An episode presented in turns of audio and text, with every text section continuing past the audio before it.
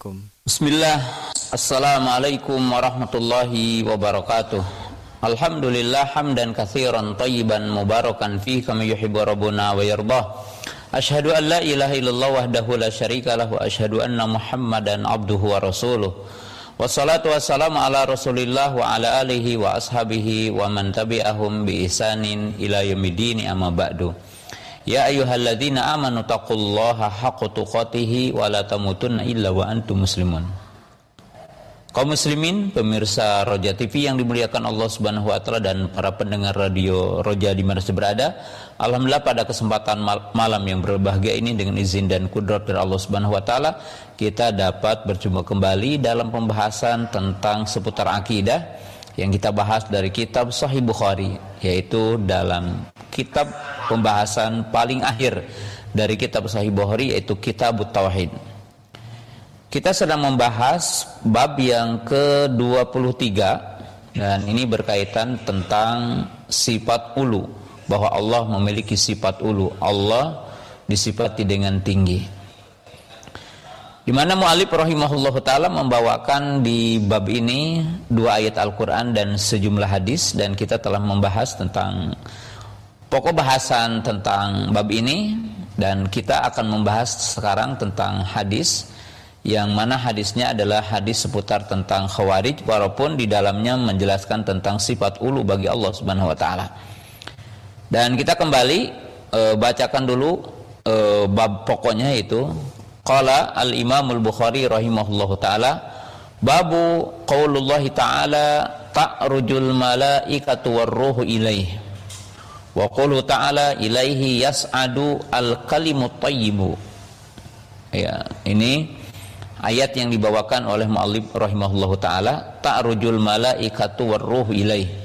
Naik para malaikat warruh yaitu malaikat Jibril alaihi salam ilaihi yaitu kepada Allah Subhanahu wa taala yaitu menghadap kepada Allah Subhanahu wa taala. Ilaihi yas'adu al kalimut thayyibu kepadanya yaitu kepada Allah Subhanahu wa taala naik al kalimut thayyibu yaitu al kalimut thayyibu uh, yaitu berupa kalam Allah Subhanahu wa taala. Berupa kalam yang dimaksud adalah kalimat yang baik yang diungkapkan oleh orang-orang beriman berupa bacaan Al-Qur'an, berupa tasbih, berupa tahlil, berupa tahmid dan semua perkataan yang baik. Kemudian Allah Subhanahu wa taala mengatakan wal amalu solihu yarfa'uhu dan amal soleh Allah taala mengangkat kepadanya. Nah, kaum muslimin pemirsa yang dimuliakan Allah Subhanahu wa taala, bab ini menjelaskan tentang sifat ulu bagi Allah. Yaitu Allah itu disifati dengan sifat tinggi atau maha tinggi. Dan telah kita bahas di pembahasan pertama sifat ulu Allah itu mencakup kepada tiga uluwi sifat di mana Allah Taala sifatnya maha agung, maha tinggi, yaitu maha sempurna. Tidak ada yang melebihi sifat Allah Subhanahu wa taala dan tidak ada yang menyerupai sifat Allah Subhanahu wa taala. Sebagaimana dinyatakan di dalam ayat Al-Qur'an, "Walahu al-matsalul a'la fis samawati wal ar." Dan baginya adalah as-sifatul ula, yaitu sifat-sifat yang tinggi. Nah, sedangkan yang kedua yaitu uluwil kohar, di mana Allah Subhanahu wa taala Maha berkuasa. Kekuasaan Allah Maha tinggi. Artinya tidak ada yang mengalahkan Allah. Allah berkuasa atas seluruh makhluknya. Allah Ta'ala berkuasa atas seluruh hambanya. Artinya la balahu. Tidak ada yang bisa mengalahkan Allah Subhanahu wa taala. Dan Allah Ta'ala berfirman, "Wa huwal qahiru ibadih." Dan dialah Allah Subhanahu wa taala yang berkuasa di atas semua hambanya. Nah, sedangkan yang ketiga yang sedang kita bahas tentunya di sini adalah uluwidat bahwa zat Allah tinggi di atas seluruh makhluknya. Nah, Imam Bukhari sebagaimana telah kita lewati di sini menyebutkan dua bab yang bergandengan. Bab yang pertama sebelumnya maksudnya sebelum ini adalah wakana arsyuhu alal ma yaitu berbicara tentang arash Allah Subhanahu wa taala dan menjelaskan bahwa Allah tinggi di atas arasnya. Jadi Allah taala tinggi di atas arasnya. Kita telah bahas aras itu adalah makhluk di antara makhluk Allah Subhanahu wa taala yang di dalam Al-Qur'an disebutkan dengan tiga sifat dari aras Allah taala. Yaitu dikatakan al-arsyul azim, aras yang agung. Artinya aras itu makhluk yang paling besar, maka disifati al-azim. Kemudian al-arsyul karim, yaitu aras yang artinya di sini mulia, Artinya di sini ditinjau dari sisi keindahannya, ya. Kemudian al-arsyul majid, ya sebagaimana disebutkan dalam surah Al-Buruj. Artinya arsy Allah itu arsy yang kokoh, ya, kuat, ya. Dan tentunya kita ketahui arsy adalah makhluk yang paling agung dipikul oleh para malaikat. Nah, kemudian Imam Bukhari sebagaimana akidah ahli sunnah wal jamaah menunjukkan sifat ulu zat dengan mengetengahkan dalil dari Al-Qur'an dan tentunya di sini disebutkan yaitu dua dalil di sini yaitu dua dalil di sini secara e, terperinci bahwa mualif menyebutkan tentang Allah Maha tinggi di atas makhluknya dan Allah tinggi di atas seluruh makhluknya dan tentunya di sini Allah tidak bersatu dengan makhluknya ya tapi Allah Ta'ala meliputi makhluknya. Nah, kita ketahui dalil di dalam Al-Quran.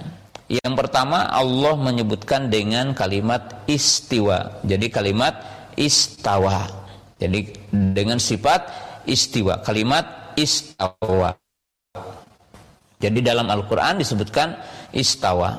Dan kalimat istawa di dalam Al-Quran itu disebutkan dalam delapan ayat ya sebagaimana saya telah jelaskan di pertemuan uh, telah lalu uh, tujuh ayat berkaitan dengan arash dan satu ayat itu berkaitan dengan as-sama itu salah satunya disebutkan dalam surah Al-Baqarah sumastawa ila sama ya. Kemudian dalam Al-Qur'an dengan berbagai ayat yang berbeda sumastawa alal arsh. Itu disebutkan dalam enam ayat.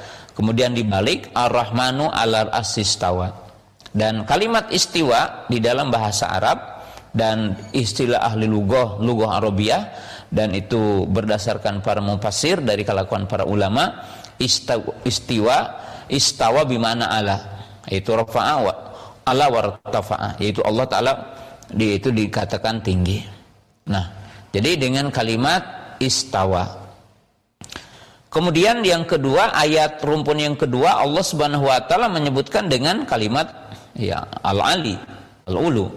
Seperti dikatakan sabihis marobikal ala wa huwal aliyul adim. Yaitu dalam surah al-baqarah ayat kursi yaitu ayat 255 nah kemudian ayat yang tadi disebutkan yaitu kalimat urud ta'rujul malaikat kemudian su'ud yas'adu al kalimut thayyibu ya kemudian yaitu berupa rafa'ah yaitu tadi wal amulu solihu yarfa'uhu jadi situ di sini menunjukkan naik, ya.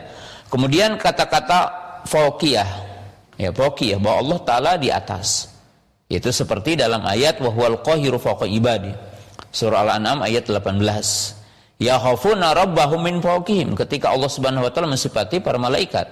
Yaitu dalam surah An-Nahl ayat 50. Ya khafuna rabbahum mereka para malaikat takut kepada siapa? Rabb mereka min fawqihim yang berada di atas mereka. Amin man fisama. Ya, amin tum man fisama. Eh bimakna man ala ala sama. Nah, artinya di dalam Al-Qur'an Allah Subhanahu wa taala jelas udah artinya merumpunkan dalil-dalil yang menunjukkan sifat ulu bagi Allah Subhanahu wa taala. Ya, sifat ulu bagi Allah taala. Ya. Kemudian kaum muslimin pemirsa yang dirahmati Allah Subhanahu wa taala, ya Mu'alib di sini menyertakan sejumlah hadis. Nah, jadi sejumlah hadis yang udah kita bahas dan kita akan bahas hadis nomor 700 7432 yaitu tentang hadis yang diriwayatkan dari Abu Sa'id Al-Hudri ya. Hadis Abu Sa'id Al-Hudri tentang kisah Ali. Kemudian tentang di sini adalah kisah orang-orang Khawarij. Nah, kita akan bacakan dan ini hadis yang sangat agung untuk kita ketahui. Bismillah qala al-mu'allif rahimahullah taala ini. Qala Imam Bukhari rahimahullah taala hadatsana Qabisah hadatsana Sufyan an abihi an abi an an ibni Abi Nuaim an Abi Nuaim ya. An Abi Sa'id qala bu'itha ila Nabi sallallahu alaihi wasallam ya biduhaibah faqasamaha baina arba'ah Wa qala wa hadatsani Ishaq ibnu Nadr. Hadatsana Abdul Razak akhbarana Sufyan an abihi an ibni Abi Nuaim an Abi Sa'id al-Khudri radhiyallahu taala anhu. Qala Ba'atha Aliun wa huwa bil Yaman ila Nabi sallallahu alaihi wasallam biduhaibah fi turbatiha faqasama bainal Aqra ibni Habis al-Hambali summa ahad min bani Mujashi. Wa baina Uyayna ibn Badr al-Fuzari. Wa baina Alqamah ibn Ulatha al-Amiri. Thumma ahadi min bani Kilab. Wa baina Zaid ibn Khail at-Ta'i. Thumma ahadi min bani Nabhan Fataghaddabat Quraisyun wal Ansaru. Faqalu yutihi sanadidu ahli Najd wa yad'una. Qala inna ma ata'allafuhum fa aqbala rajulun ghairul ainain. Natiul jabini qasul lihyati. Musyriful waj wajnabataini. Mahlukur ras Faqala ya Muhammad, ittaqillah.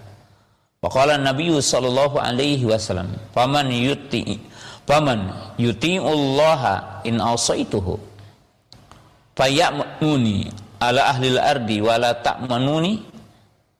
Fasala rajulun minal qaumi qatalahu arahu Khalid bin Walid famanahu Nabi sallallahu alaihi wasallam. Falamma walla qala Nabi sallallahu alaihi wasallam inna min dha'i hadha qauman yaqra'una al-qur'ana. La yujawizu hanajirahum yamrukuna minal islam muruka sahmi min ramiyah yaqtuluna ahlal islam wa yaduna ahlal awsan. Lain araqtuhum la uqattilannahum qatla adin. Ini hadis menceritakan tentang kisah khawarij atau kisah munculnya tentang khawarij dan menyebutkan sifat-sifat orang khawarij. Tetapi Imam Bukhari memasukkan hadis ini dalam bab tentang sifat ulu bagi Allah. Itu letaknya di mana dan apa hubungannya. Nah, mungkin untuk sekedar kita memastikan kalimat yang mana dari hadis yang tadi yang berkaitan tentang penetapan Allah Maha Tinggi dan Allah disifati dengan sifat ulu. Nah, kita lihat dalam kalimat ini yaitu dari potongan ketika orang Khawarij itu dan ini disebutkan tokoh dari Bani Tamim yang disebutkan dalam riwayat yang lain atau disebutkan oleh ahli sejarah namanya Dul Huwaisirah. Jadi disebutkan dalam potongan hadis ini ketika Nabi Sallam mendapatkan kiriman ya berupa potongan emas dari Ali radhiyallahu taala anhu dan beliau berada di Yaman waktu itu. Maka Nabi SAW membagikannya kepada sejumlah kelompok orang. Dan waktu itu pembesar Ansor, pembesar Muhajir itu tidak dikasih waktu itu. Maka tibalah muncul orang yang dia berkata kepada Nabi Shallallahu Alaihi Wasallam, Wahai Muhammad bertakwalah kamu kepada Allah. Dalam riwayat yang lain dia mengatakan eh, i'dil fa innaka la ta'dil. Engkau itu tidak adil, adilah gitu. Kemudian Nabi SAW di hadis ini ya siapa yang akan mentaati Allah jika aku tidak mentaatinya. Jadi kalau aku bukan jadi contoh buat kalian, siapa yang akan memberikan contoh untuk taat kepada Allah? Kemudian Nabi Shallallahu Alaihi Wasallam mengatakan, ya di sini. Ya hadisnya payak menuni ala ahli ardi. Jadi kata beliau, kata Nabi Sallam, Allah telah mempercayaiku dengan Allah memberikan wahyu kepadaku untuk membimbing penduduk bumi.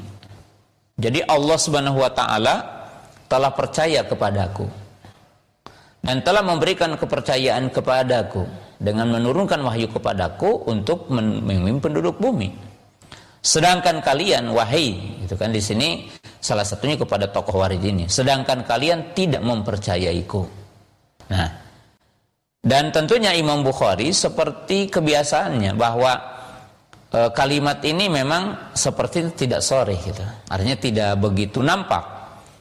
Tapi akan nampak pada riwayat yang lain. Jadi akan nampak pada riwayat yang lain.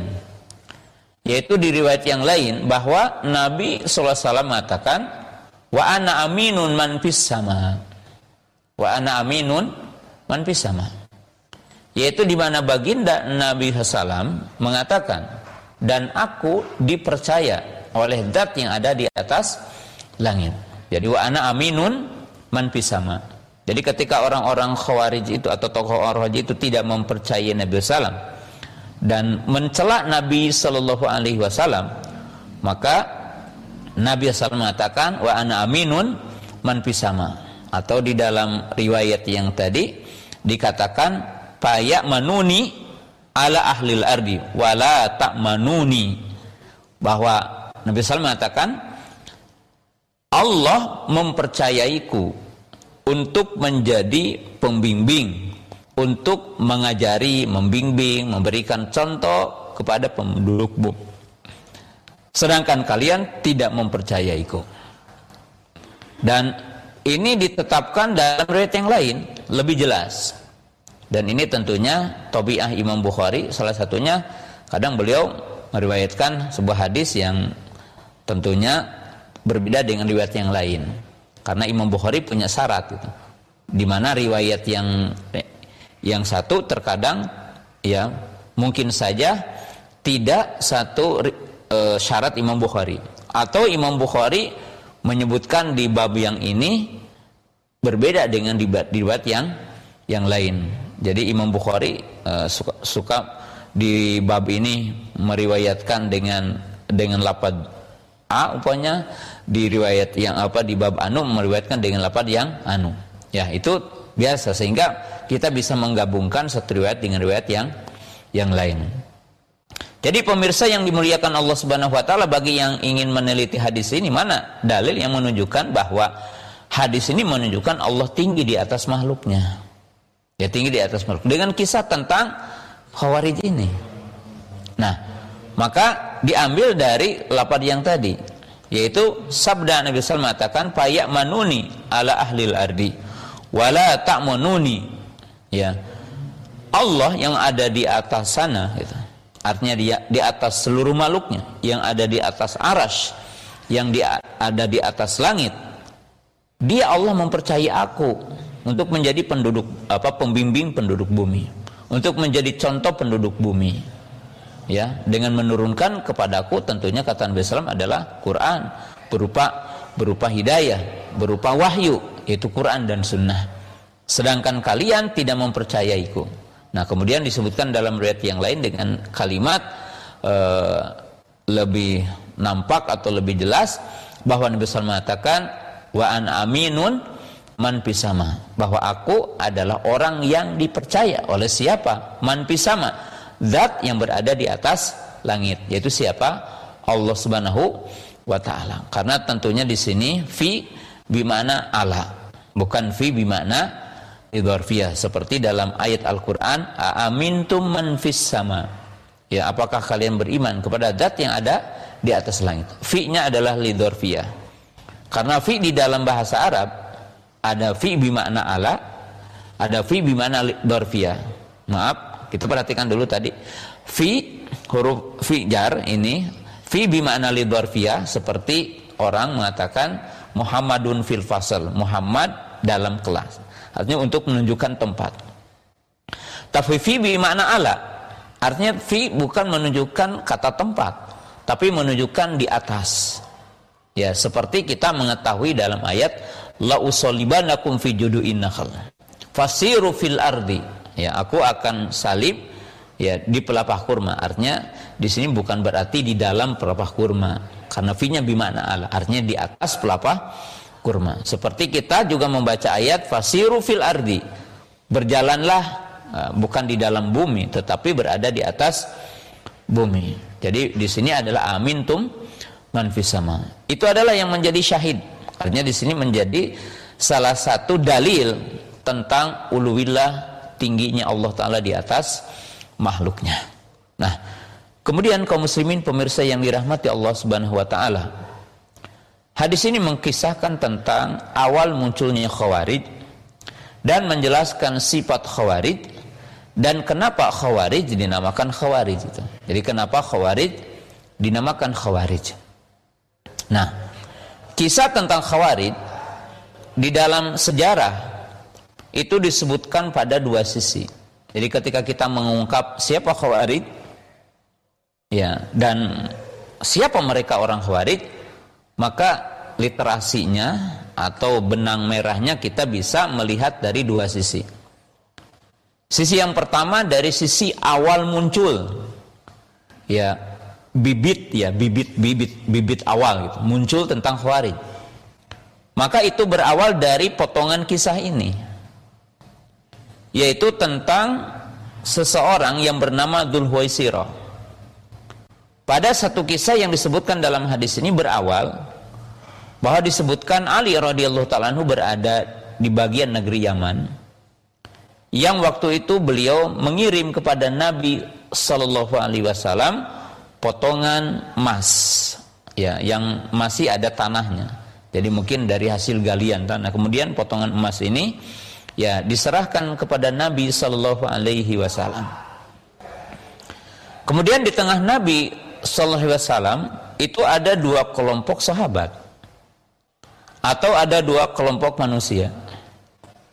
Yang pertama kudama, yaitu orang-orang yang mereka terdahulu masuk Islam, baik dari kalangan orang-orang muhajir atau orang-orang ansor.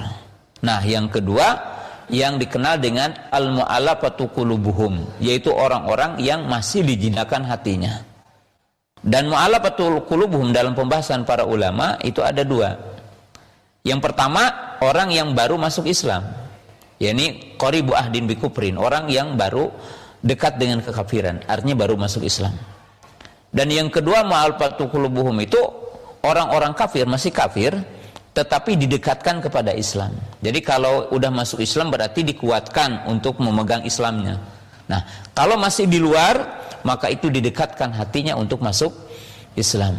Nah, maka ketika Nabi SAW mendapatkan kiriman dari Ali radhiyallahu taala anhu, maka Nabi SAW memberi kepada empat kelompok, artinya empat orang di sini disebutkan di sini, ya, ya memberikannya itu kepada Aqra ibn Habis ya.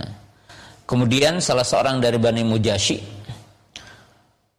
Kemudian ya disebutkan di sini dari Bani Kilab ya, dari Bani Kilab ya atau kemudian dari Bani Nabhan ya. Jadi di sini sekelompok orang. Kemudian tiba-tiba ya sejumlah dari kaum Quraisy dan orang Ansor, artinya di sini muhajir dengan Ansor. Ya, merasa tapi mereka tidak mengungkapkan kata-kata. Ya, melihat bahwa ini adalah artinya kenapa kami yang lebih dahulu ditinggalkan sedangkan mereka kok dikasih kita. Jadi kenapa kami yang lebih dulu masuk Islam tidak kebagian kok itu yang dikasih? Maka Nabi SAW mengatakan hanyalah kami kata kata Nabi SAW hanyalah aku kata Nabi SAW melakukan ini adalah untuk menjinakkan hati mereka lebih mendekatkan mereka lebih menguatkan mereka dalam keislamannya. Itu adalah merupakan fikih. Fikih artinya bagian dari fikih beragama. Fikih dalam termasuk pembagian sodako pembagian zakat dan semisalnya. Nah maka beliau ini menguatkan dan di sini tentunya ada dua sisi artinya dua sisi apa yang dilakukan oleh Nabi SAW ada hikmah ya hikmah yang pertama untuk menguatkan orang-orang yang baru masuk Islam dengan pemberian itu. Sehingga merasakan ya setelah mereka diasingkan masuk Islam, maka itu ditolong oleh kaum muslimin. Ketika mereka mungkin berpindah dari orang-orang kafir, kemudian ke komunitas muslim merasakan dekat, diperhatikan. Nah, sedangkan yang kedua juga menjadi hikmah bagi orang-orang yang telah lama masuk Islam. Untuk apa? Untuk menguji bahwa masuk Islam bukan karena dunia. Kita berada dalam Islam bukan karena dunia, tetapi kita karena Allah. Maka sama saja mendapatkan bagian dunia ataupun mungkin kita diuji dengan kesempitan dunia, tetap iman kepada Allah, tetap kita istiqomah. Itu salah satu hikmah yang diper, yang di, dilakukan oleh baginda Nabi SAW. Nah, kemudian ketika sedang seperti itu, maka muncullah seseorang. Jadi muncullah seseorang yang di sini disebutkan tentang karakter dari orang Khawarij. Ya. Yaitu kedua matanya menjolok ke dalam, artinya kalau bahasa Sunda mah celong gitu, artinya kelihatan ke dalam. Kemudian jidatnya nonjol, artinya ke depan. Jadi kelihatan ke depan. Kemudian ya dia kepalanya botak. Jadi, ke, kepalanya apa? Kepalanya botak. Kemudian dahinya lebar. Artinya bahkan di sini disebutkan dalam riwayat yang lain adalah borokan. Bahkan disebutkan dalam riwayat yang lain tangannya kepalan, kakinya bengkak gitu ya. Itu merupakan sifat orang khawarij. Maka tiba-tiba dia berkata kepada Nabi Hasan, Ittaqillah. Jadi orang ini mengakui dua sisi. Jadi si Dzulhuwaisirah ini seolah-olah pada dirinya ada dua sisi. Sisi yang pertama bahwa dia mengaku orang baik orang yang berhak untuk memberikan amar ma'ruf nahi mungkar. Berada dalam kebenaran ya. Karena dia mengatakan bahwa kepada SAW bitakillah bertakwalah kamu kepada Allah. Plus yang kedua dia beranggapan bahwa apa yang diperbuat oleh Nabi SAW adalah sebuah kesalahan. Jadi apa yang diperbuat oleh Nabi SAW adalah sebuah kesalahan. Sehingga dia berkata ittaqillah bertakwalah kamu kepada Allah dalam riwayat yang lain, dia berkata, "I'dil ya Muhammad fa innaka la ta'dil." Dia mengatakan, "Adil wahai Muhammad, sesungguhnya engkau tidak adil." Atau dalam yang riwayat yang lain dikatakan, "Demi Allah katanya pemberian ini ataupun bagian ini adalah tidak adil." Nah, maka Nabi SAW menjawab di riwayat ini beliau berkata, "Man yuti'il man yuti'ullaha in asaituhu." Siapa katanya yang akan taat kepada Allah kalau aku maksiat kepada Allah? Enggak mungkin aku yang diperintahkan untuk taat kepada Allah dan aku mengajak manusia untuk taat kepada Allah lalu aku adalah orang yang tidak taat kepada Allah. Tidak mungkin Allah yang mempercayai aku dengan diturunkan kepadaku wahyu untuk membimbing manusia lalu aku adalah bukan jadi contoh kan itu. Dalam riwayat yang lain ketika ada riwayat mengatakan i'dil ya Muhammad fa innaka la ta'dil maka Nabi SAW mengatakan siapa yang akan adil jika aku itu tidak adil. Jadi Nabi SAW mengatakan siapa yang akan adil jika aku tidak adil. Jadi orang ini begitu lancangnya kepada baginda Nabi Shallallahu Alaihi Wasallam. Nah, kemudian di kala seperti ini datanglah seseorang yang minta izin kepada Nabi Sallam dalam satu riwayat dikatakan di sini adalah Khalid bin Walid di mana beliau berkata i'dil afwan uh, i'danli ya Rasulullah an adriba unuqahu. Izinkan kepadaku untuk aku mendebang batang leher, batang lehernya. Dalam riwayat yang lain dikatakan yang ngomong itu adalah Umar karena keduanya adalah goyur orang yang memiliki gira dan memiliki syaja'ah keberanian di kala itu siapa satu riwayat dikatakan di sini adalah Khalid bin Walid tapi menurut sebagian para ulama dikatakan bahwa itu adalah Umar ibn Khattab radhiyallahu taala anhu. Nah, kemudian Nabi SAW di kala itu tidak mengizinkan kepada Khalid ibn Walid ataupun kepada Umar untuk menembang mendebas batang lehernya. Jadi untuk membunuhnya. Ya, dan ini pun fikih. Salah satu bentuk siasa. Karena dia masih berada dalam lingkungan orang muslim dan dianggap muslim. Maka kalau dibunuh akan berkata Muhammad uh, dolim kepada umatnya. Muhammad adalah membunuh umatnya. Maka Nabi SAW melarang. Lalu beliau berkata kepada para sahabat ketika orang itu ber artinya pergi meninggalkan majelis di situ. Maka beliau mengatakan akan muncul artinya nanti akan muncul dari orang-orang ini adalah orang-orang yang membaca Al-Quran. Jadi orang-orang yang membaca Al-Quran. Jadi seolah-olah mereka hafal Quran, mereka membaca Al-Quran, tetapi mereka tidak paham, tidak melewati tenggorokan mereka. Artinya membaca Al-Quran, tapi tidak dapat hidayah dari Al-Quran. Ya. Kemudian dikatakan yamrukuna minal Islam. Dalam riwayat yang lain dikatakan yamrukuna minad din. Mereka melesat, lari jauh dari agama bagaikan melesatnya anak panah dari busurnya keburuan. Artinya kalau udah melesat kemudian menancap karena ada ada ada kail seperti itu maka tidak bisa kembali lagi.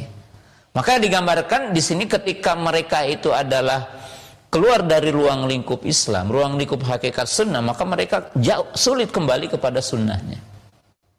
Nah, kemudian Nabi SAW menyebutkan mereka akan membunuh ya ahlul Islam. Jadi mereka itu akan menghalakan darah kaum muslimin dan mereka membiarkan penyembah-penyembah berhala. Jadi orang kafir dibiarkan, orang muslim dibunuh. Dan kata Nabi SAW, seandainya aku mendapatkan masa kehidupan mereka dan pasukan mereka, maka aku akan memerangi mereka dan dibinasakan seperti dibinasakannya adalah kaum An. Nah, jadi kaum muslimin pemirsa yang dirahmati Allah Taala ini kisah. Nah, maka ketika kita membahas Khawarij itu adalah maksudnya adalah sejarah orang yang dinamakan dulu Haisirah yang disebutkan dalam hadis ini dengan sifat-sifatnya dan kelancangannya kepada Nabi SAW. Sedangkan yang kedua, jika kita berbicara tentang orang Khawarij, maka mereka itu adalah alladzina yakhrujuna an taati Ali radhiyallahu taala anhu. Yaitu orang-orang yang keluar dari ketaatan kepada Ali. Orang yang keluar dari keimamahan, dari kekhilafahan Ali radhiyallahu taala anhu. Nah, dan itu terjadi setelah terjadinya perang Siffin, perang Jamal, perang Siffin, ya. Mereka adalah orang-orang yang meninggalkan Ali, keluar dari ketaatan Ali dan keluar dari pemerintahan Ali. Mereka keluar memisahkan diri, mengangkat imam sendiri, ya, mengangkat pemimpin sendiri, membaiat pemimpin sendiri dan mereka berkumpul di tempat yang namanya Hauro. Maka mereka dikenal dengan Haruriyun dan jumlah mereka ya dalam satu ahli sejarah menyebutkan jumlah mereka 12.000, ada yang mengatakan 8.000 tapi kita ambil yang paling banyak karena yang sedikit masuk pada yang banyak, yang banyak masuk kepada yang sedikit tadi. Artinya di situ disebutkan sekitar 12 ribu orang. Nah, orang-orang khawarij ini dikatakan khawarij ya dan melihat dalam sepanjang sejarah kata-kata khawarij itu ya pada intinya adalah sebagaimana disebutkan oleh Imam Asir Rostani adalah kullu man kharaja ya.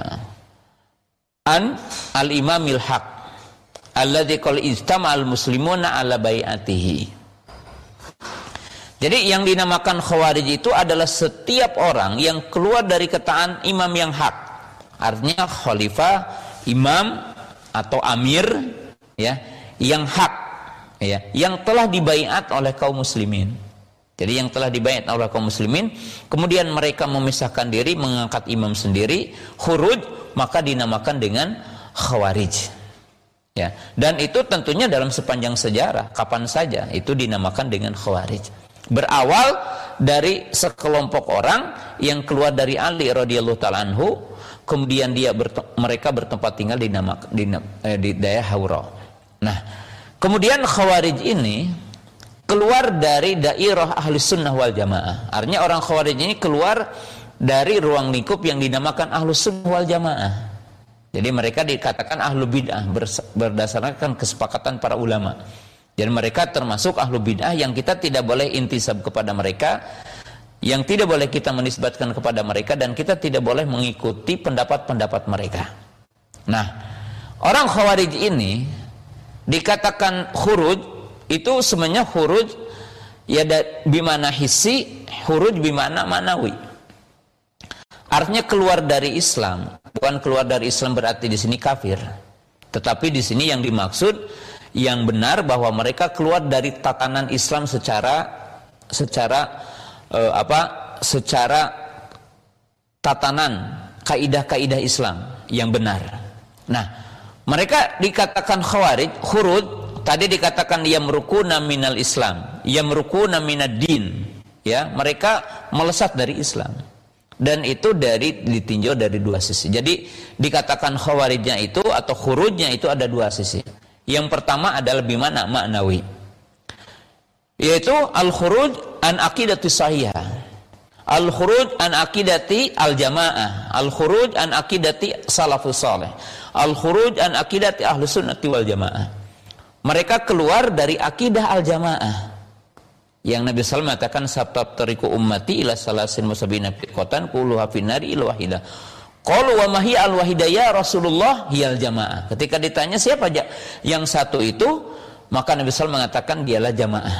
Nah, orang Khawarij ini keluar dari akidahnya jamaah. Keluar dari manhajnya al jamaah. Sehingga mereka dinamakan keluar hurud. Nah, contohnya apa? Dalam beberapa hal. Di antara pokok yang paling besar, Khawarij adalah mukhalafatuhum li aqidati ahli sunnah wal jamaah pibabil iman.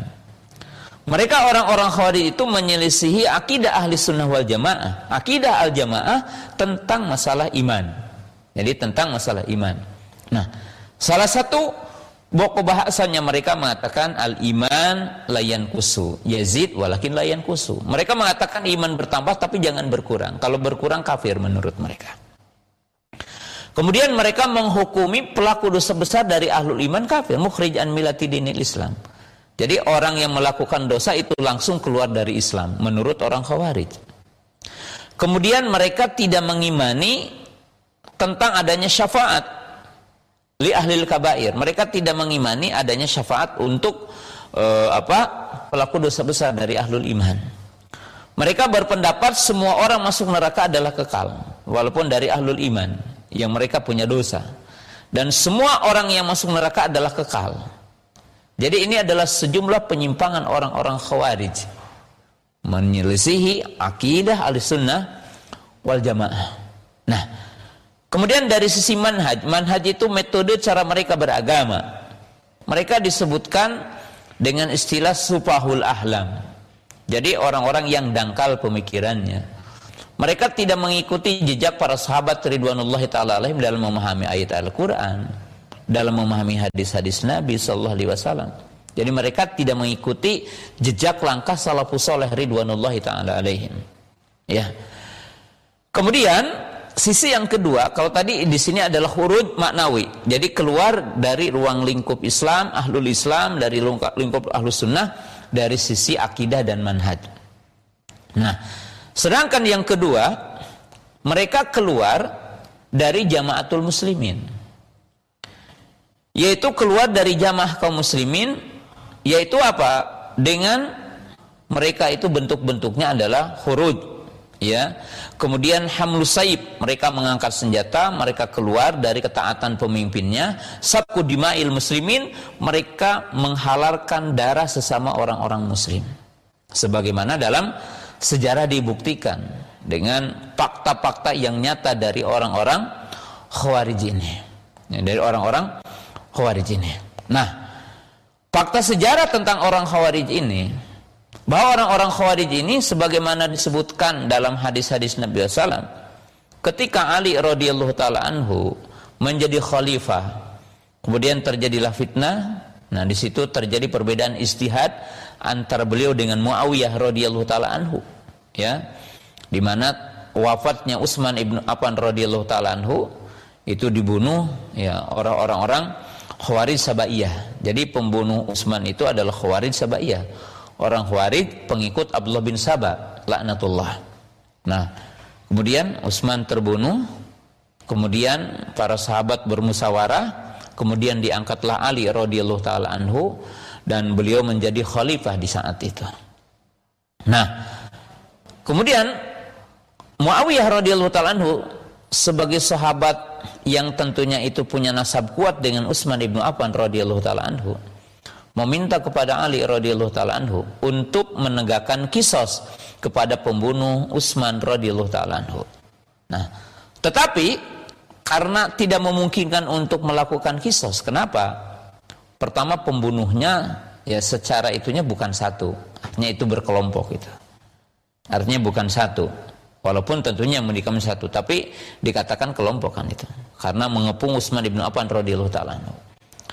Kemudian di saat itu juga ya orang-orang yang merupakan itu adalah yang tertuduh membunuh Utsman radhiyallahu taala itu pun berada di kota yang di situ adanya Ali radhiyallahu taala sebagai khalifah. Sehingga kalau ter, apa ya mungkin ditegakkan di saat itu maka akan terjadi gejolak besar di pemerintahan Ali radhiyallahu taala Nah, sehingga terjadilah fitnah adanya perang Jamal, perang Siffin. Kemudian terjadilah tahkim. Tahkim bahwa Ali radhiyallahu taala anhu ya, dikisahkan di situ dengan Amr bin As Abu Musa al-As'ari radhiyallahu taala anhu berdamai dengan Muawiyah radhiyallahu taala anhu. Nah, ketika terjadi seperti itu, maka orang-orang Khawarij yang tidak puas dengan kebijakan Ali radhiyallahu taala fikih Ali radhiyallahu taala anhu, maka mereka mengumpulkan diri di tempat yang dinamakan dengan Haura. Jadi mereka berkumpul di tempat yang namanya Haura. Nah, kemudian mereka melakukan tiga hal yang merupakan huruj. Jadi ada tiga hal yang pokok selain akidah yang tadi. Tadi kan udah dibahas akidahnya. Tapi ini adalah berupa sikap. Yang pertama, mereka mengangkat imam sendiri. Artinya huruj berarti keluar dari jamaah kaum muslimin, bikin jamaah baru. Mengangkat imam, mengangkat pemimpin di tempat yang namanya Haura. Yang kedua, menghukumi Ali radhiyallahu taala anhu, Muawiyah radhiyallahu taala anhu, kemudian Abu Musa al-Asy'ari radhiyallahu taala anhu. Kemudian semua para sahabat yang dianggap ikut dalam tahkim maka dikafirkan oleh mereka. Jadi Ali kafir, Muawiyah kafir, kemudian Amr bin As kafir dan seluruh sahabat itu dikatakan kafir oleh mereka. Nah oleh sebab itu dari sisi mengkafirkan sahabat maka dengan orang Syiah hampir sama. Artinya di sisi mengkafirkan walaupun ada sisi perbedaan di mana orang Syiah tidak mengkafirkan Ali gitu ya. Orang Khawarij mengkafirkan Ali radhiyallahu taala anhu. Ya. Maka kaum muslimin pemirsa yang dirahmati Allah taala ini sikap yang kedua. Ya, sikap yang kedua. Sikap yang ketiga yang ketiga adalah sabku dima'il muslimin, yaitu menghalalkan darah semua orang yang sepakat dengan Ali. Ya, karena mereka mengkafirkannya, menghukumi keluar dari Islam, maka mereka mengkafirkan darah kaum muslimin saat itu. Nah, maka sejarah membuktikan terbunuhnya Ali radhiyallahu taala terbunuhnya sejumlah para sahabat dengan sebab mereka ini. Bahkan salah satu tokoh yang dinamakan dengan ya Abdurrahman ibnu Muljam itu membunuh Ali radhiyallahu taala dan dia membacakan sejumlah ayat Quran ketika membunuhnya. Salah satunya membaca surah Al-Baqarah ayat 207. Wa minanas man yashri nafsa ibtugu amardatillah. Nah, orang-orang Khawarij ini memiliki nama. Nama mereka adalah tadi Khawarij karena mereka itu keluar. Kemudian Syarah karena mereka menganggap dirinya adalah pembeli pembeli jihad ya pembeli berniaga dengan Allah yaitu dalam ayat yang tadi wa minan nasi man yashri nafsa ibtuga marbatillah ya. Kemudian mereka dengan ya, nama tahkim kemudian mereka yang paling tidak disenangi orang khawarij adalah al-marukiyun. Artinya di situ adalah yang keluar dari dan mereka tidak menyenangi dengan lakob itu. Nah Kemudian pemirsa yang dirahmati Allah Subhanahu wa taala. Nah, sifat orang khawarij ya di sini ya di sini di mana sifat orang khawarij itu disebutkan dalam hadis ada sifat bentuk fisik. Tapi tentunya sifat fisik ini ya ya tidak selamanya menjadi pokok dari sifat orang khawarij. Ya. Disebutkan di sini sifat orang khawarij dari sisi fisik ya dalam hadis pertama ya dikatakan matanya ke dalam matanya ke dalam bahasa orang Sunda mah celong ke dalam gitu nah kemudian jidat nonjol ke depan atau dikenal dengan istilah borokan. Kalau orang Sunda mah ayah sesangeleunana gitu ya. Ya. Kemudian jidatnya lebar gitu. Jidatnya lebar. Kemudian kepalanya botak. Kepalanya botak. Ya. Kemudian di riwayat yang lain ya dari sifat-sifat tertentunya disebutkan mereka itu bibirnya basah ya kemudian tangannya kepalan kemudian jidatnya borokan kemudian kakinya artinya bengkak yang digambarkan mereka itu mubalaghah fil ibadah, berlebihan dalam beribadah kepada Allah Subhanahu wa taala. Ya, sehingga disebutkan dalam riwayat yang lain bahwa orang akan tertipu dengan bentuk fisik dohir mereka. Ya, seperti nampak mereka beribadah gitu kan kepada Allah Subhanahu wa taala. Nah, tetapi Nabi SAW menyebutkan sifat dari sifat sifat yang namanya karakter mereka. Karakter mereka. Itu apa? Sufahaul ahlam. Bahwasanya mereka itu sufaha. Artinya orang-orang yang dangkal ilmunya. Ya, kalau disebutkan bahasa kencengnya tolol gitu. Artinya dari sisi mereka memahami dalil, memahami nas itu ya. Ya, mereka itu tidak paham. Kemudian dikatakan hudasul asnan yang menunjukkan orang khawarij itu yang 12 ribu itu tidak ada seorang pun dari kalangan sahabat tidak ada dari kalangan orang-orang yang mereka adalah terdahulu dalam Islam. Maka di, mereka dikatakan hudasul Islam. Asnan. Oleh sebab itu Nabi Shallallahu Alaihi Wasallam itu eh, maaf Abdullah bin Abbas radhiyallahu taala anhu anhuma ketika mendatangi mereka maka eh, Abdullah bin Abbas mengatakan aku datang dari para sahabat ya kepada kalian. Min indi ashabi Nabi sallam min indi uh, Ibnu Amir Rasulullah aku ini datang dari anak pamannya Nabi SAW yaitu Ali radhiyallahu taala yaitu uh, uh, Abu Talib ya. Yaitu Ali bin Abi Talib. Abu Talib itu pamannya Nabi SAW ya kemudian mereka disebutkan apa tadi yang yaqra'una al-Qur'ana la yujawizu hanajirahum wa fi tarakihim mereka membaca Al-Quran, tetapi mereka dungu dalam memahami nas Al-Quran, dalam memahami makna-makna dari Al-Quran ini. Nah, kemudian dikatakan la sorfa wala adla. Mereka itu melakukan banyak kebaikan dari perkara-perkara yang wajib dan perkara-perkara yang sunnah tetapi Allah tidak menerima mereka. Artinya tidak menerima amal amal mereka. Nah, kaum muslimin pemirsa yang dirahmati Allah Subhanahu wa taala, kita buktikan tentang orang Khawarij ini tadi ya. Ketika dia datang itu tokohnya yang pertama, yaitu siapa? Haisirah. Dia berkata, "Ittaqillah." Takwa wahai Muhammad gitu kalau bahasanya itu. Maka dia menganggap bahwa apa yang dia katakan adalah bagian dari amar ma'ruf. Apa yang dia perbuat itu adalah sebuah kebenaran. Ya. Dan dia melihat perkara baik buruk. Nah, ini. Jadi perkara baik dianggap buruk karena supaul ahlam. Apa yang dilakukan oleh Nabi SAW tadi membagi ya kepada orang-orang yang baru masuk Islam atau yang dekat masuk Islam, dia katakan itu keburukan. Karena mereka tidak mengetahui hakikat kebenaran. Mereka tidak mengetahui hakikat kebaikan. Apa yang dimaksud kebaikan dalam Al-Quran, kebaikan dalam sunnah, kebaikan dalam timbangan Allah dengan Rasulnya. Mereka tidak paham. Nah, Kemudian dia menganggap orang-orang Khawarij itu selalu menganggap bahwa perbuatannya perbuatan baik. Ya, seperti mereka menganggap amar ma'ruf nahi menganggap mereka menegakkan jihad. Seperti orang-orang yang melakukan aksi teror hari ini umpamanya.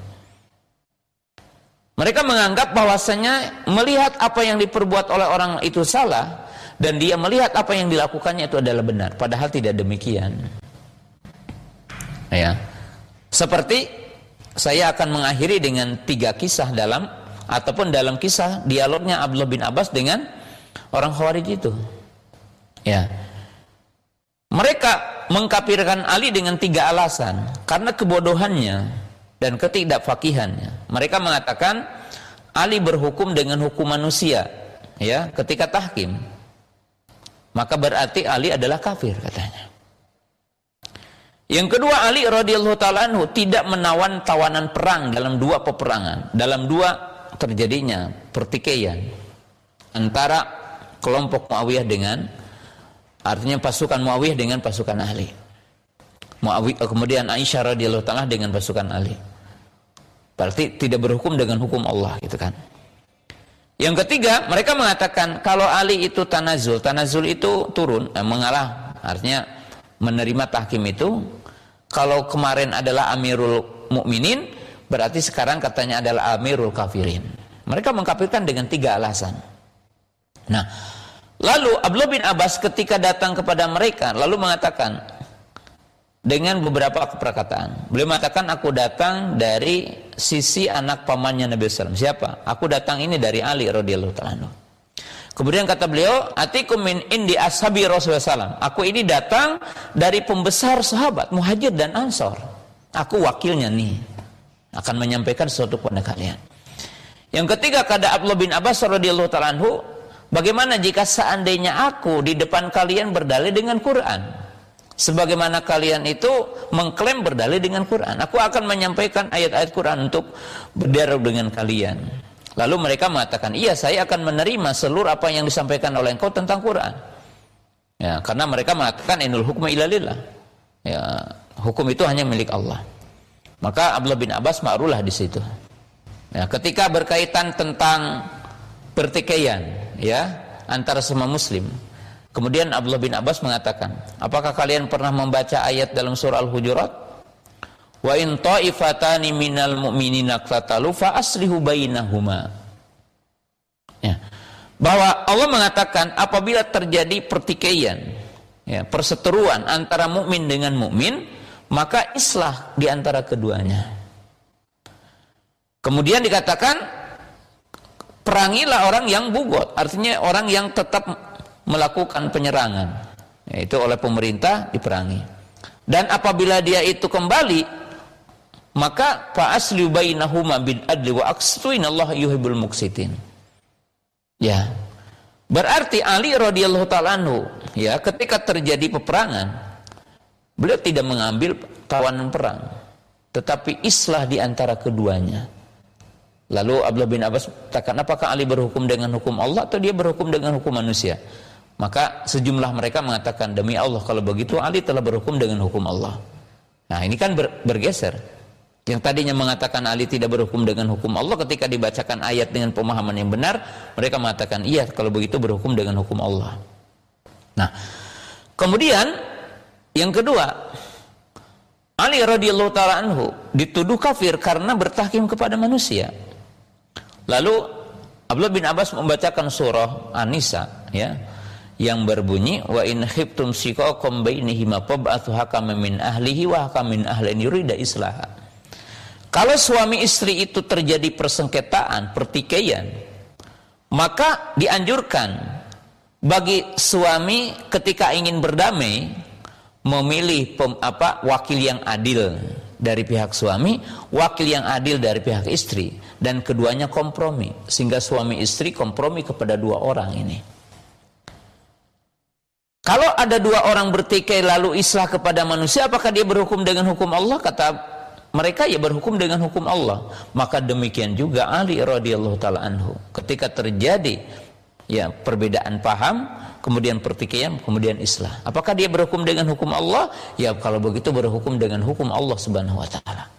Nah, maka kaum muslimin, pemirsa yang dimuliakan Allah Subhanahu wa taala. Nah, bahwa ciri orang khawarij itu suul ahlam. Buruk pemahaman terhadap nas-nas karena tidak dibimbing dengan dalil syar'i. Nah, maka kaum muslimin pemirsa yang dirahmati Allah Subhanahu wa taala, ya, wajib untuk dijelaskan sebagai penutup bagaimana kita memahami agama kita. Bagaimana kita kembali kepada dini Islam dengan benar.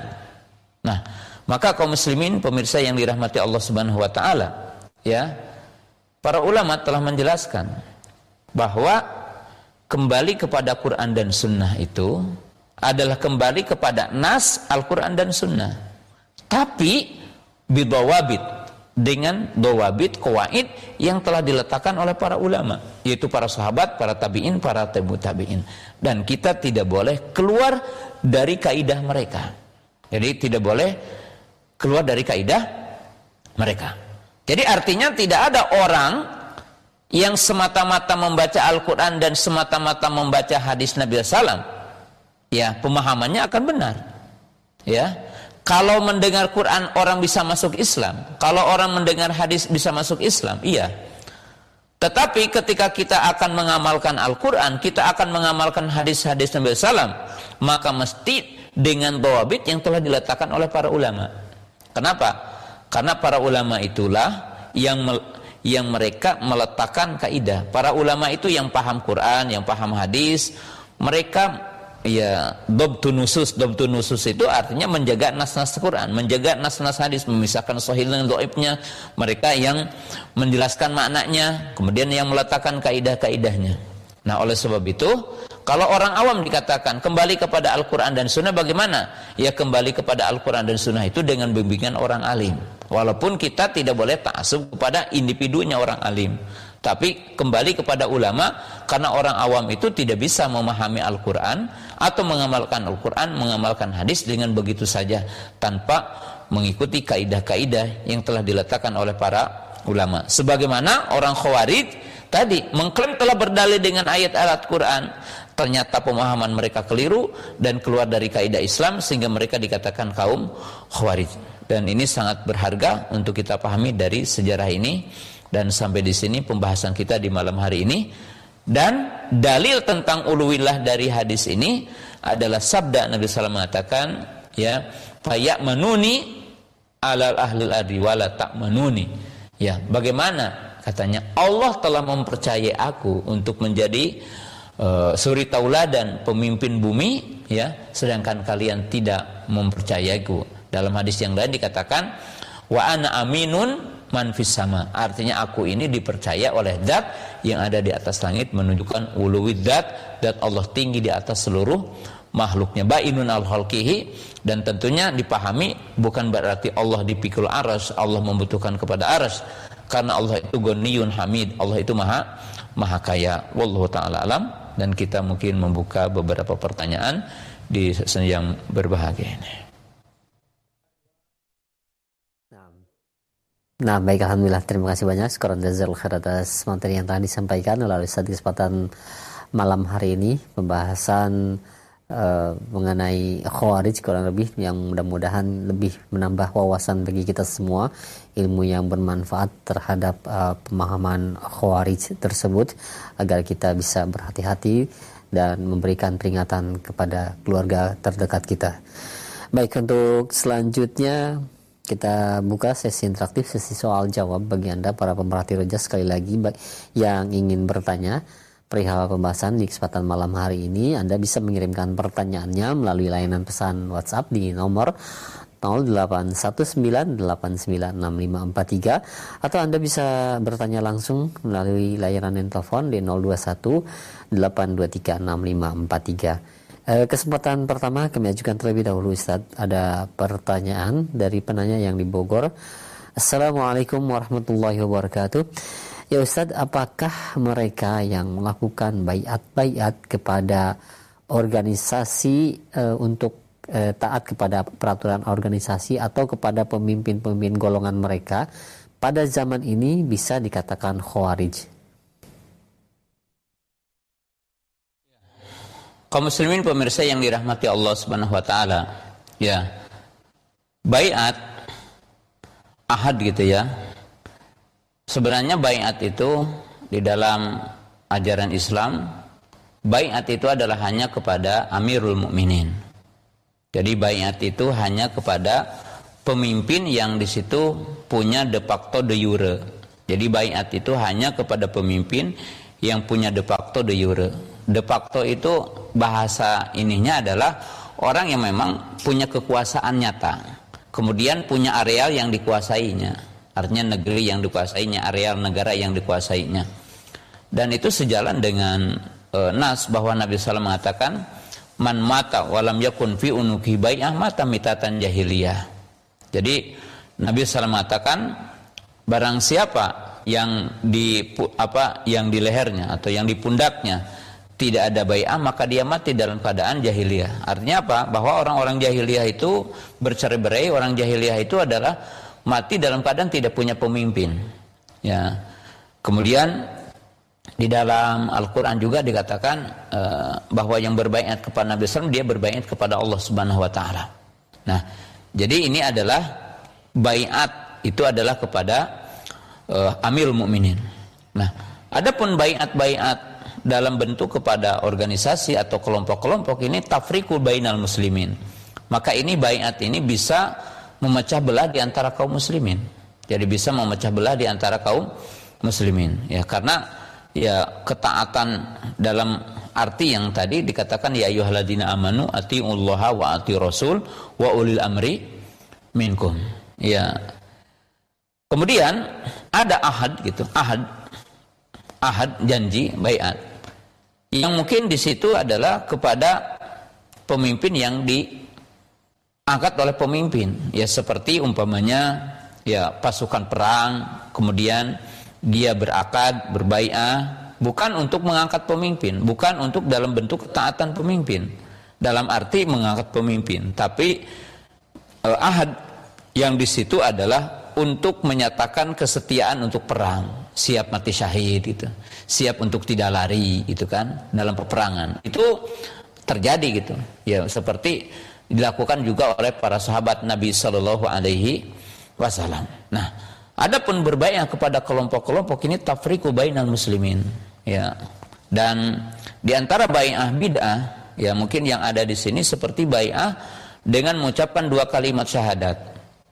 Ya, di sejumlah kelompok ya, sejumlah kelompok terutama di Indonesia, di sini ada beberapa kelompok yang ketika berbaiat itu mengucapkan kalimat syahadatain.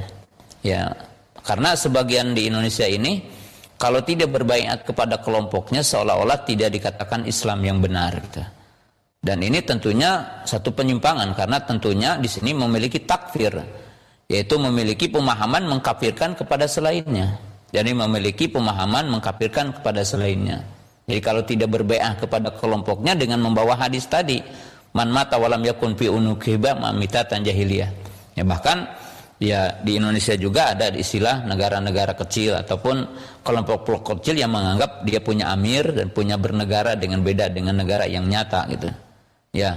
Jadi itu tidak ada dan itu tidak boleh karena itu akan memecah belah di antara kaum muslimin ya. Memecah belah di antara kaum muslimin. Ya. Organisasi di dalam Islam. Itu dibolehkan. Pertama organisasi itu sendiri harus bermanhaj dengan manhaj ahli sunnah wal jamaah manhajnya gitu ya. Akidahnya harus dengan akidah ahli sunnah wal jamaah gitu kan. Kalau yang boleh kita diikuti. Kemudian organisasi itu ya tidak ada nama kecuali namanya Islam. Namanya adalah nama ya dengan akidah ahli sunnah wal jamaah. Nah kemudian organisasi itu tidak mengangkat imam bukan tidak mengangkat pemimpin ya beda tidak mengangkat imam yang dibaiah seperti dibaiahnya pemimpin yang hak itu. Kalau dalam organisasi itu ada pemimpinnya itu tidak mengapa. Ya, karena tentunya tidak bisa berjalan. Ya. Kemudian tidak ada wala dan baro kepada kepada jamaah itu ataupun kepada organisasi itu. Ya tidak demikian kalau yang seorganisasi berarti e, saya akan wala, akan ada kecintaan yang tidak seorganisasi itu berarti bukan gitu. Nah, apalagi mungkin menetapkan kebencian kepada yang selain kelompok itu maka itu tentunya adalah termasuk yang dinamakan firqoh yang dilarang di dalam Islam yang dilarang di dalam Islam seperti kita boleh bermadhab artinya mengikuti madhab ya Nah, tapi tidak boleh ta'asub kepada madhab. Tidak boleh menganggap kebenaran hanya dalam satu imam. Ya, kemudian wala dan baro hanya ke situ. Itu tidak boleh gitu dalam Islam.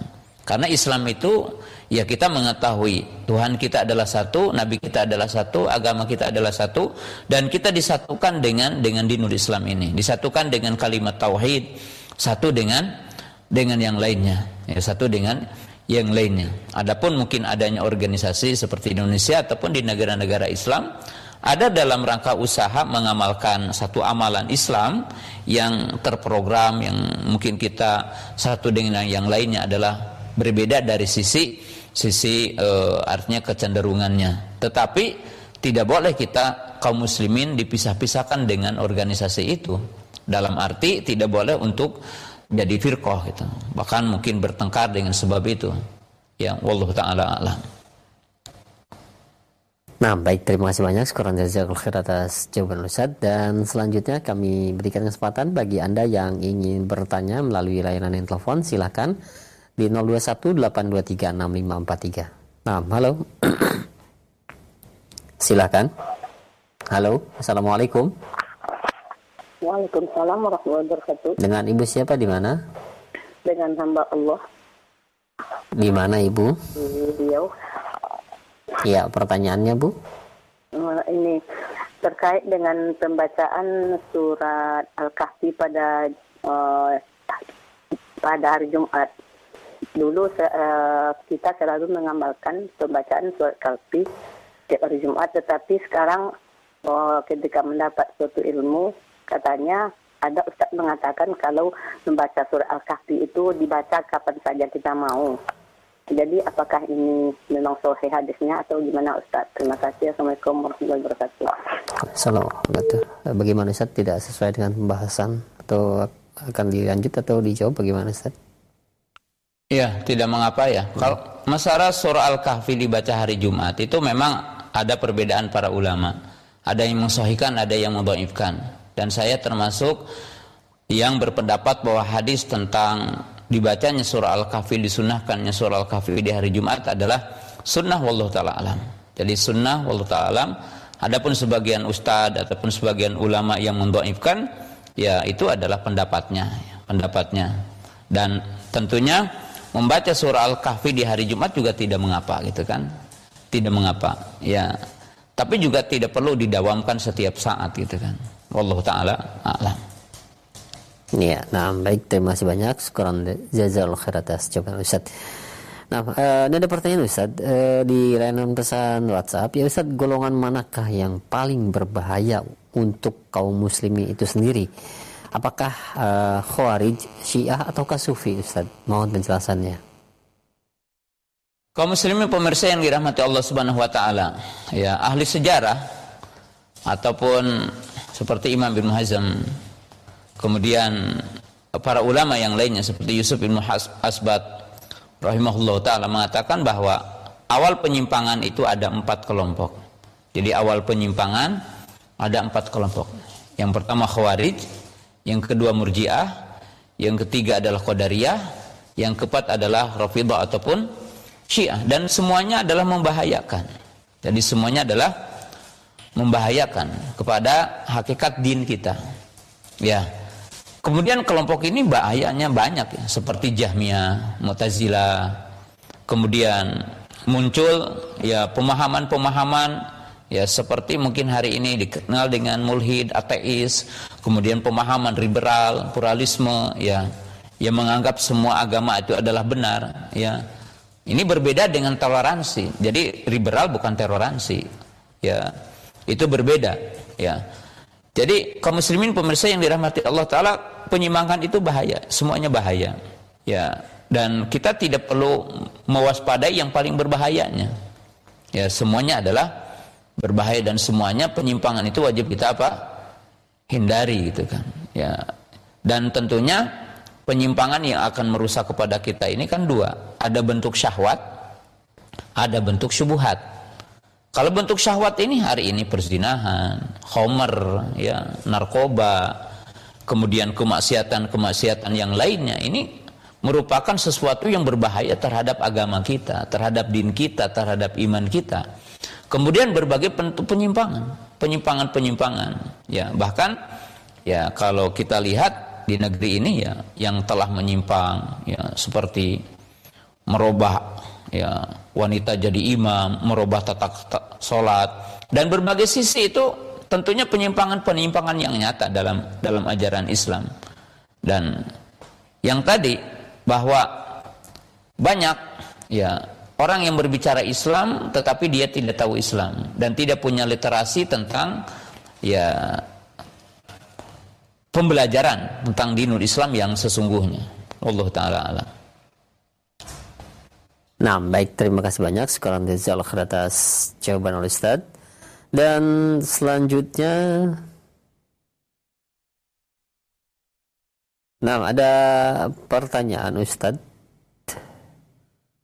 mengenai penentuan suatu bulan di suatu negeri Ustadz apakah kita mengikuti eh, kebanyakan kaum muslimin ataukah keputusan suatu organisasi yang cukup besar di negeri ini Ustadz eh, mohon penjelasannya karena hal ini selalu menjadi masalah setiap tahunnya ketika kita ingin memasuki suatu bulan yang penting yang dianggap penting oleh kaum muslimin.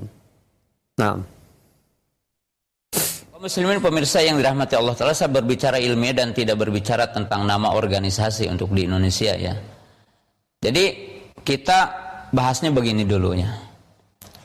Untuk menentukan awal bulan bahwa para ulama ya para ulama kita harus lihat dulu di sini sehingga nanti kesimpulannya seperti apa.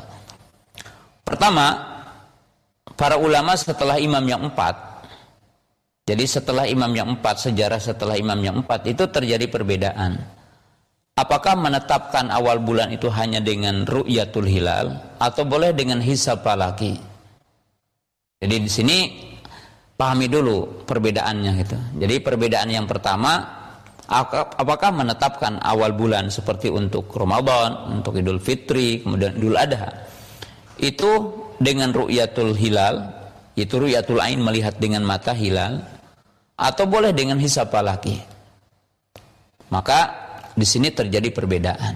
Dan perbedaan ini sepanjang saya teliti, ya perbedaan ini setelah imam yang empat. Artinya di imam yang empat itu sepakat ya, sebagaimana dikatakan oleh Imam Ibnu Abil Bar dan oleh Imam Ibnu Hajar rahimahullahu taala itu e, dari kalangan imam yang empat sepakat ditetapkan dengan ru'yatul hilal.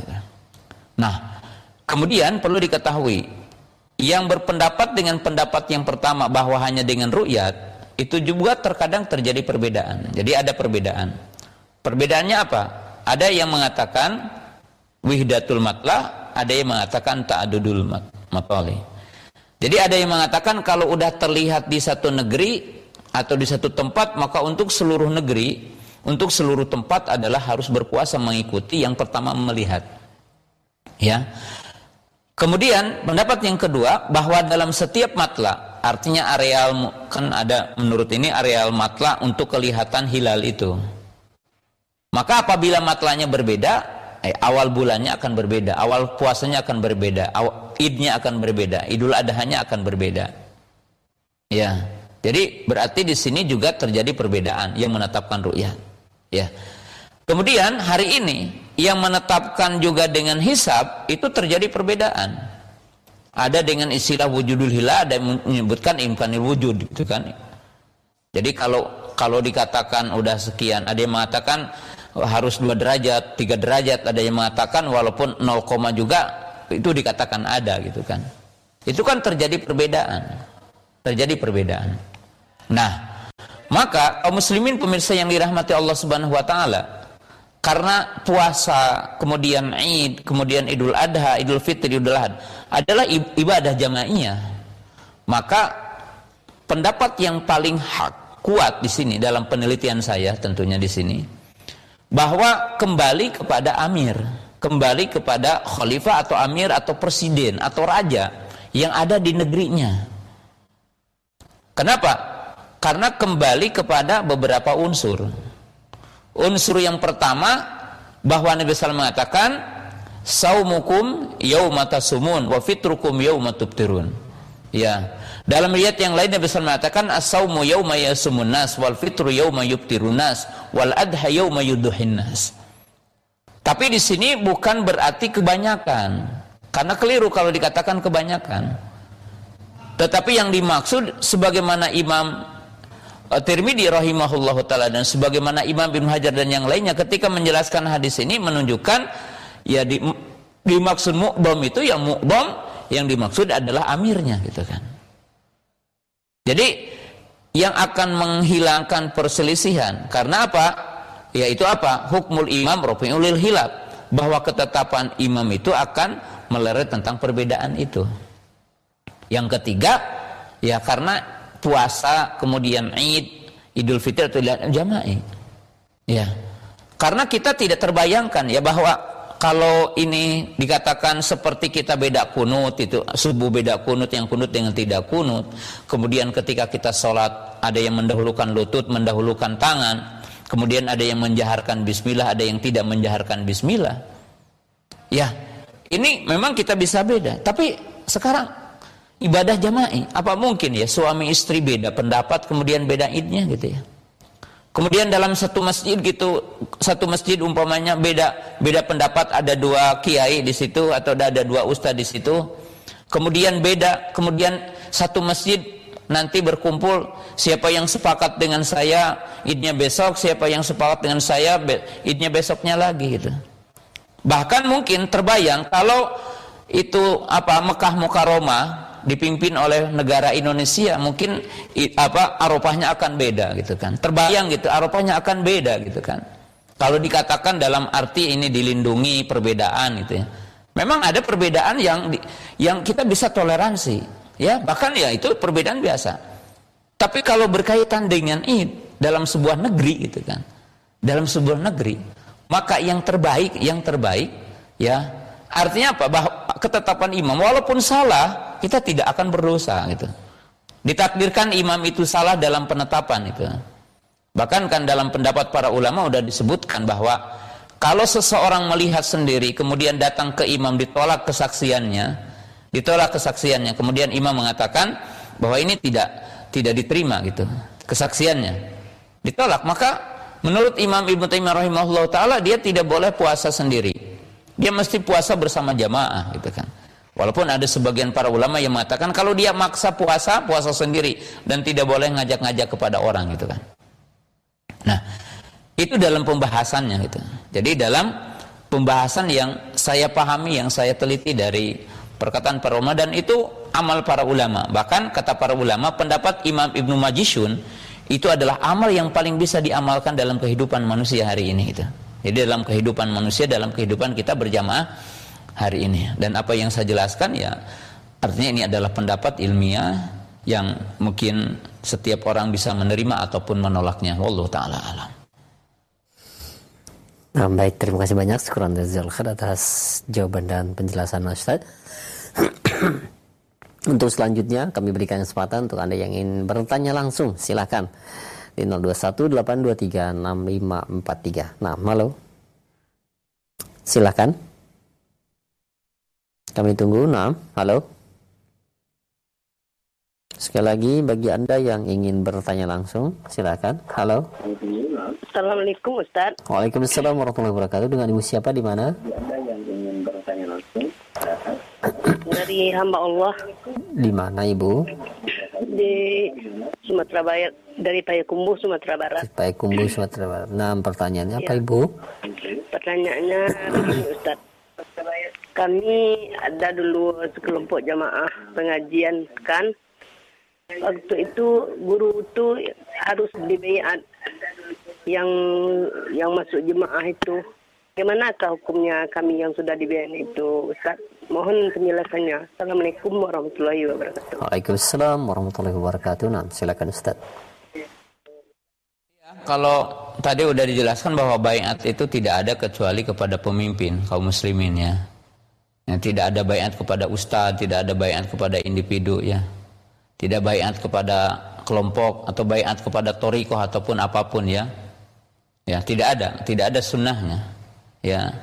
Tidak pernah para sahabat juga sekarang Abu Bakar membayat kelompoknya, kemudian Ibnu Abbas membayat kelompoknya lagi. Ya. Punya Abu Abdullah bin Abbas punya torikoh A, kemudian bayat, kemudian Abdullah bin Umar punya torikoh B, kemudian bayat Demikian juga imam yang empat tidak pernah membaiat, membaiat. Ya, e, apa? Imam Syafi'i tidak pernah membaiat. Ya, kemudian Abu Hanifah tidak pernah membaiat. Imam Bukhari juga tidak pernah membaiat. Artinya di sini mudah, sesuatu yang baru di dalam agama. yang tidak pernah dilakukan oleh salafus saleh ridwanullahi taala alaihim. Tidak pernah dilakukan oleh Imam Syafi'i, tidak pernah dilakukan oleh Imam Nawawi, tidak pernah dilakukan oleh Imam Ibnu Hajar, tidak pernah dilakukan oleh Imam Ahmad, Ibnu Kudama atau yang lainnya, ya. Maka ya tidak tidak boleh kita melakukan hal-hal seperti itu dan tentunya itu tafrik bainal muslimin akan memecah belah di antara kaum muslimin. Bahkan akan menyebabkan juga sebagiannya gulu berlebihan kepada kepada apa guru yang diikutinya guru yang menjadi mursyidnya. Itu menjadi berlebihan bahkan menganggap bahwa semua yang dikatakannya benar ya. Bahkan hari ini tidak sedikit juga kan eh, praktek-praktek yang yang perlu juga diedukasi ya. Seperti kasus-kasus yang hari ini pelecehan seksual ya di sejumlah tempat. Bahkan naudzubillah min dalik ini di sejumlah yang menamakan lembaga pendidikan Islam gitu kan? Ya dengan ya seperti hipnotis hipnotis kemudian e, alasan bahwa itu adalah berbakti kepada guru bahwa guru itu adalah tidak salah guru itu adalah bersih ya. Kemudian praktek-praktek semacam ini adalah menghipnotis sebagian orang berbaiat dengan alasan telah berbaiat atau mengatakan berinfak kepada gurunya Ya kalau tidak berimpak dengan harta, maka berimpak dengan dengan apa? Dengan apa yang dimiliki dari dirinya itu. Dan ini sangat berbahaya sebenarnya gitu. Banyak banyak penyimpangan-penyimpangan yang terjadi juga sisi-sisi seperti apa yang hari ini muncul ya. Ya Allah taala alam. Nah, baik. Terima kasih banyak. Syukuran jazakallahu atas jawaban Al Ustaz.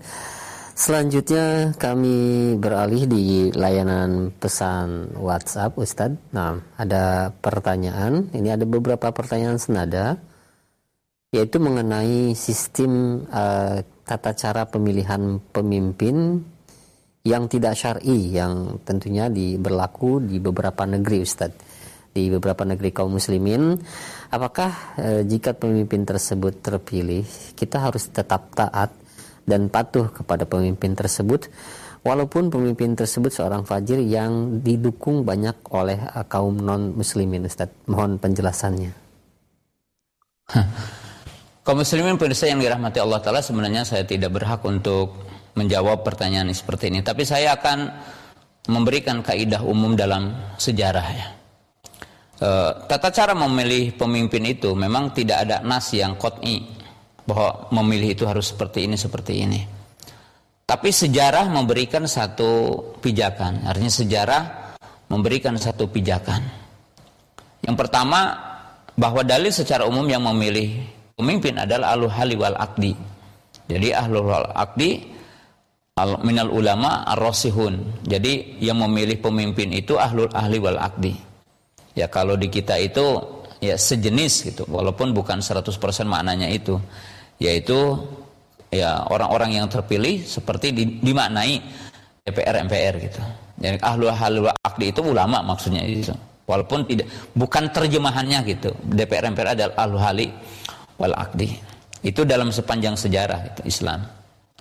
Nah, kemudian sisi yang kedua bahwa ada sejarah apa yang terjadi dalam sejarah Islam.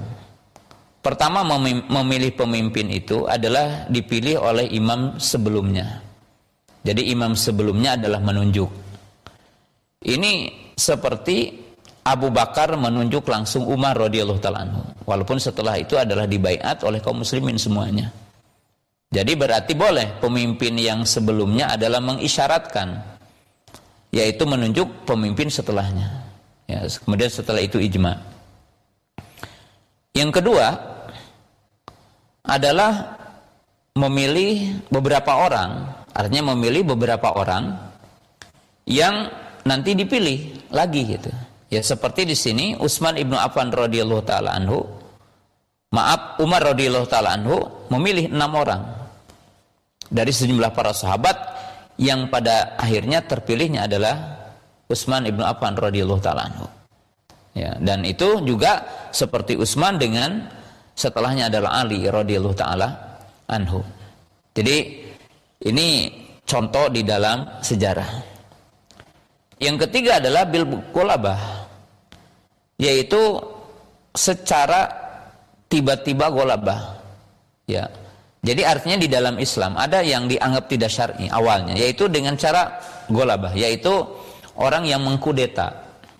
Jadi artinya begini kalau ada satu negeri dipimpin oleh si A umpamanya tiba-tiba si B itu meng, meng, mengkudetanya. Ya, kemudian terjadilah kesetabilan politik dengan sebab dia itu. Artinya dengan sebab orang tersebut. Jadi ketika si, si Fulan itu menjadi pemimpin. Ya, dan ini diisyaratkan di dalam hadis Irbad bin Sariyah ketika Nabi SAW mengatakan wa in ta'maru alaihi abdun habasyun. Nah, jadi di sini menunjukkan bahwa ketika orang itu berkuasa, ketika orang itu stabil di tangannya politik, maka dia adalah imam. Dia muslim maka dia adalah imam.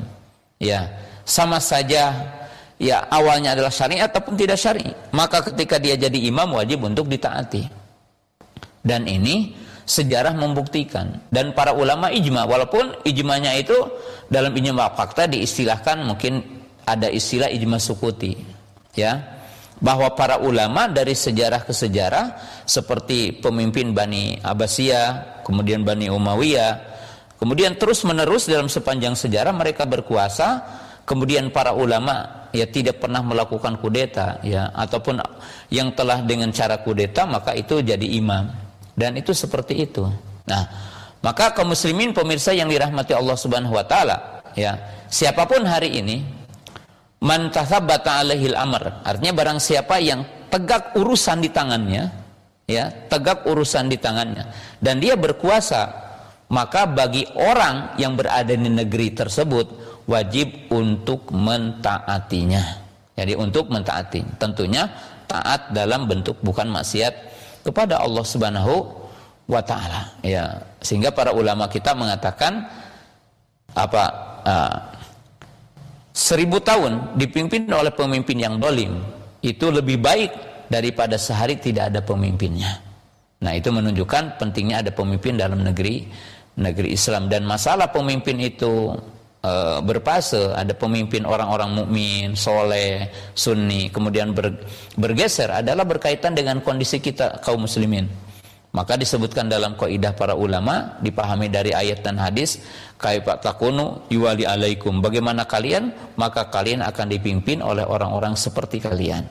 Kalau kita adalah banyaknya ahlu takwa maka yang akan memimpin kita adalah ahlu takwa. Dan apabila lebih banyaknya adalah ahlu maksiat, maka mungkin akan lebih seperti itu. Kemudian kaum muslimin pemirsa yang dirahmati Allah Ta'ala sisi yang lain, bahwa kepemimpinan manusia, kepemimpinan negara Islam, kepemimpinan kita adalah berkaitan dengan takdir Allah Ta'ala kepada kita. Yang bukan berarti kita berdiam tidak berusaha untuk melakukan perubahan, bukan begitu. Tetapi terkadang Allah Subhanahu Wa Ta'ala, watilka layam menudawiluha bainanas, bahwa terkadang kita dipimpin oleh pemimpin yang dolim, kita diuji keimanan kita, bagaimana kesabaran kita, apakah kita akan keluar dari manhaj yang hak ketika datang pemimpin yang dianggap oleh kita tidak adil, atau bagaimana. Nah itu adalah merupakan semuanya kaidah-kaidah yang wajib kita kembali kepada Al-Quran dan Sunnah Nabi Sallallahu Alaihi Wasallam. Nah, baik terima kasih banyak sekurang jazakallah atas jawaban dan penjelasan Al Ustaz. Nah, e, pertanyaan tadi, pertanyaan terakhir Ustaz menutup perjumpaan perjumpaan kita di kesempatan, kesempatan malam hari ini dan mungkin ada khitam yang dapat disampaikan untuk para pemerhati roja sekalian. Nah, Ustaz, silakan. Kaum muslimin pemirsa yang dimuliakan Allah Subhanahu wa taala, pada bahasan di malam hari ini kita kembali kepada dua bahasan pokok Bahasan yang pertama kita mengimani tentang sifat ulu bagi Allah, yaitu sifat Allah Maha Tinggi. Yaitu uluwi sifat, sifat Allah Maha Tinggi, sifat Allah Maha Sempurna. Uluwihil kohar artinya Allah Maha Berkuasa. Ya, tidak ada yang mengalahkan Allah Subhanahu wa taala. Kemudian yang ketiga adalah uluwi dat, bahwa dat Allah tinggi di atas makhluknya. Imam Bukhari membawakan ayat-ayat naiknya mata apa malaikat, mendekat kepada Allah Subhanahu wa taala, kemudian naiknya amal soleh, kalimat yang baik diangkat oleh Allah taala kepadanya. Yang menunjukkan di sini sifat hulu bagi Allah Subhanahu wa taala.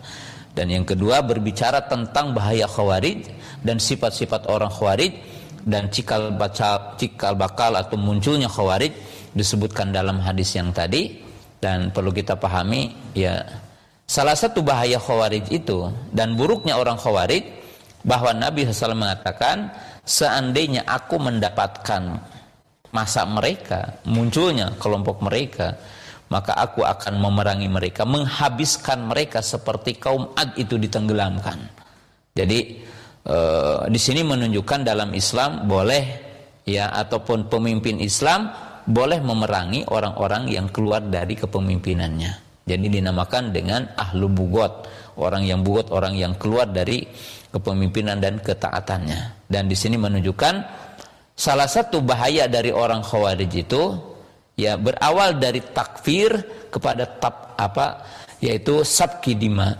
Berawal dari mengkafirkan sesama muslim, kemudian setelah itu mereka mengalirkan darah kaum muslimin. Bohirnya mereka mendukung Islam, menampakkan Islam, tetapi sesungguhnya mereka adalah merupakan bagian dari antek antek musuh Islam. Ya, demikian mungkin apa yang saya bisa sampaikan. Mohon maaf apa-apa yang telah saya sampaikan ya sekal, semua yang benarnya adalah datang dari Allah Subhanahu wa taala. Apa yang salahnya adalah merupakan dari kekeliruan dan kelemahan ilmu saya. Terima kasih kepada Habasit yang telah menemani saya di kesempatan malam hari ini dan kepada semua kru yang ada di Roja dan kru juga yang ada di Yausunah yang mendampingi saya di malam yang berbahagia ini dan terima kasih juga kepada semua penanya, semua pemirsa, para pendengar Radio Roja di mana saja berada. Mudah-mudahan kita diberkati oleh Allah Subhanahu wa taala diberikan keistiqomahan. Wa akhiru da'wana alhamdulillahirabbil alamin. Assalamualaikum warahmatullahi wabarakatuh.